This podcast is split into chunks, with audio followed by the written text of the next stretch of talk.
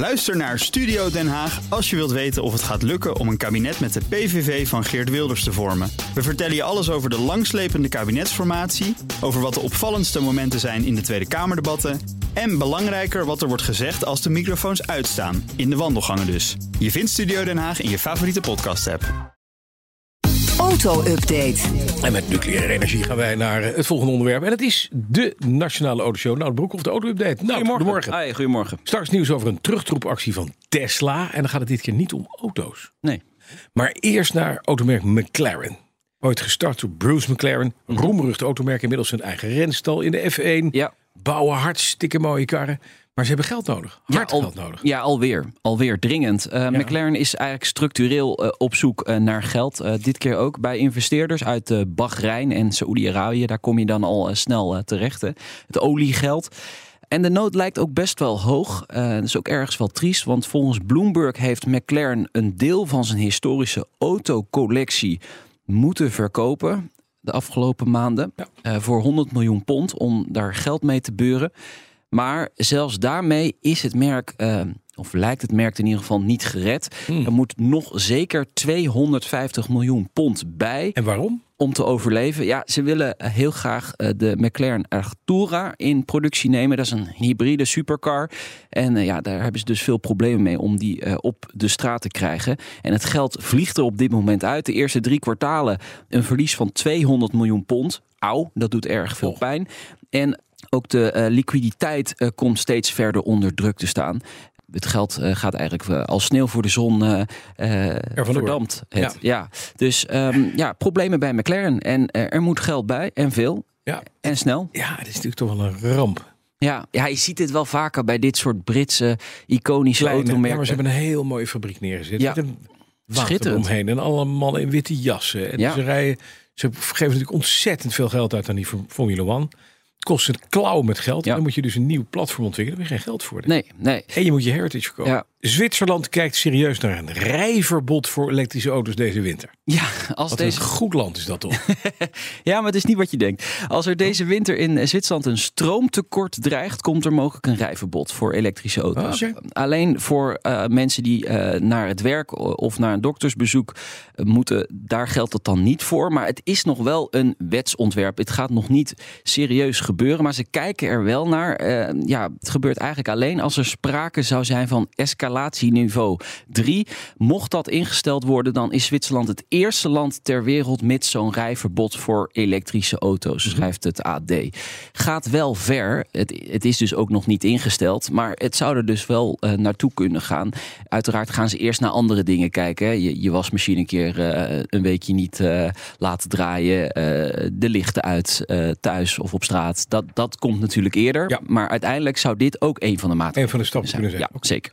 Dan is BMW gestart, en dat vind ik wel interessant, met de productie van een waterstofauto. Ja. Jaren geleden deden ze dat ook. Toen was het een soort, soort whale tail aan een BMW 7-serie. Het was een experimenteel ding. Ja. Maar BMW, achterin volgens benzine, diesel, blijft hij ook gewoon bouwen. Ja. Bouwt nu hybrides. Hè, heeft die hele Ook. XX, bouwt full electric vehicles. Ja. En gaat nu naar waterstof. Ze gaan nu alle platforms. Ja, ze houden eigenlijk alle ballen in, de een beetje in, Ja, in de lucht. Ja.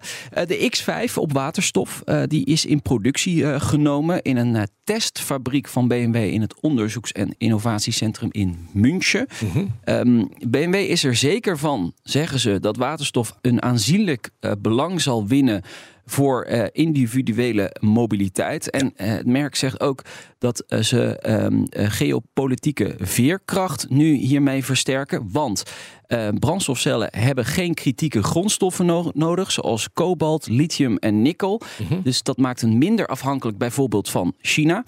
Uh, BMW gelooft dus echt nog wel in waterstof, uh, net als Toyota bijvoorbeeld en Hyundai. Maar ze gaan deze X5 wel op kleine schaal bouwen. Dus dit is een kleine serie, een soort testvloot gaan ze laten rondrijden. En dan gaan ze kijken of ze op termijn dit in massaproductie kunnen nemen en het ook rendabel kunnen maken. Want dat is natuurlijk het grote probleem op dit Ja. moment met Ja. waterstof en auto's. Kip, ei, uh, waar ga je tanken? Mhm. Dat blijft een groot punt. En ja, BMW uh, ziet er wel toekomst in, maar gaat het eerst testen. Ik vind het wel interessant. Hè? Toyota is met BMW samen aan het werken met, die, met de de Toyota eh, eh, En Supra. en, Ja. de, en de BMW eh, Z4. Z4. Klopt. En nu, ja, ze bouwen natuurlijk al die, eh, die, eh, die eh, hoe heet het, Mayra? Nee, dat ding? Die, Mirai? Mirai, Toyota Mirai, ja. En dan komt BMW nu ook met een waterstofauto. Het is toch wel al die hele grote fabrikanten bezig met dit soort technologie. Nou, Ja. dan is er nog wel wat. Dan Ja. krijg je nog gelijk ook straks. Ja, maar BMW pakt het dus wel net weer even iets anders Ja. aan. Ze gaan eerst de boel testen voordat ze echt iets Echt in massaproductie productie. nemen. Ja, Ja, terecht. Ik denk het ook. Dan bouwt Audi een nieuwe fabriek voor zijn, voor zijn Formule 1 activiteit. Ja, Audi maakt echt werk nu van die intrede in de Formule 1. Dat gaat in 2026 eh, gebeuren. Hebben we het al eerder een keer over gehad.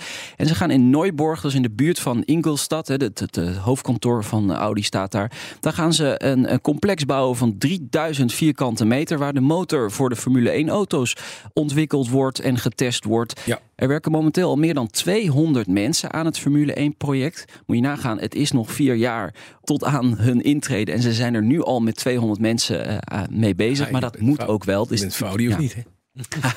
Dit is natuurlijk de koningsklasse van de autosport. Dus Ja. eh, daar moet je serieus aan gaan werken. Volgend jaar werken er al 300 mensen aan het project. En ja, eh, zoals je weet, in 2026 gaat er een hoop veranderen in de Formule 1.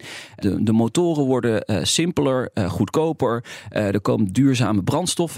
E-fuel komt er. Een groter aandeel elektrisch vermogen ook. Dus Audi ziet het helemaal zitten. En in 2026 moet die motor klaar zijn en in een Sauber hangen. Hè? Want ze hebben een, een deal ja, gesloten met met, Sauber. Sauber, het Ja. Zwitserse eh, eh, team dat nu eh, Alfa Romeo heet. Maar Ja. waarschijnlijk gaat dat dan Audi Sauber heten of Sauber Audi. We gaan het zien. Maar Saudi. Als er geld in gaat van, ja, je weet het niet. je weet het niet. Nog even naar Tesla, want dat zouden we doen. Een terugroepactie van Tesla. Ja, En het gaat dan niet om auto's, maar om... de Cyberquad. Is de dat dan? Cyberquad. Weet je het nog? Ja, vorig jaar. Kinderding, toch? Ja, heeft hij eh, die Cyberquad voor, voor kinderen eh, Oh, ja. verkocht. Eh, gaan al heel lang geruchten dat dat ding terug moet. Maar Automotive News heeft het nu ook eh, naar boven kunnen halen. De 5000 voertuigen van de Cyberquad for Kids voldoen niet aan de federale eh, veiligheidseisen. En moeten dus terug. Het is speelgoed, maar het is eh, geclassificeerd als terreinwagen. Maar het voldoet niet aan de vereisten voor Want je kinderen gaan er dood mee. voor mechanische vering en maximale bandenspanning. Ook de voorlichting vooraf is niet op orde. Je moet eh, bereiders even vertellen hoe het werkt. De veiligheidsinformatie moet op orde zijn. Eh, leeftijdsaanbeveling, et cetera. Er is ook één gewonde gevallen, een 36-jarige vrouw. Die is achterop bij haar kind gaan zitten. Dat moet je ook niet doen. Nee, nee, van de cyberquad gevallen en is daarbij geblesseerd geraakt. Dat mag natuurlijk niet, hè? Nee. Nee. Dus, nu moet hij terug en dan, wat, wat wordt er aangepast dan? nou ja, de veiligheidsvoorschriften moeten verbeterd worden. Gaat een helm op. En een voorlichtingsbriefje erbij. Dan Ja, staat een het voorlichtingsbriefje. Gaat weer terug. Ja, Die is. Terwijl ze die staat te lezen, zie je het kind vertrekken. En op een trein klappen. Ja. Dankjewel, Nout Broekhoff van de Nationale Autoshow. De auto-update wordt mede mogelijk gemaakt door Leaseplan. Leaseplan. What's next? Bij BNR ben je altijd als eerste op de hoogte van het laatste nieuws. Luister dagelijks live via internet. Bas van Werven. En heel langzaam komt de zon op rond dit tijdstip. Je krijgt inzicht in de dag die komt op BNR, het Binnenhof in Nederland en de rest van de wereld. De Ochtendspits. Voor de beste start van je werkdag. Blijf scherp en mis niets.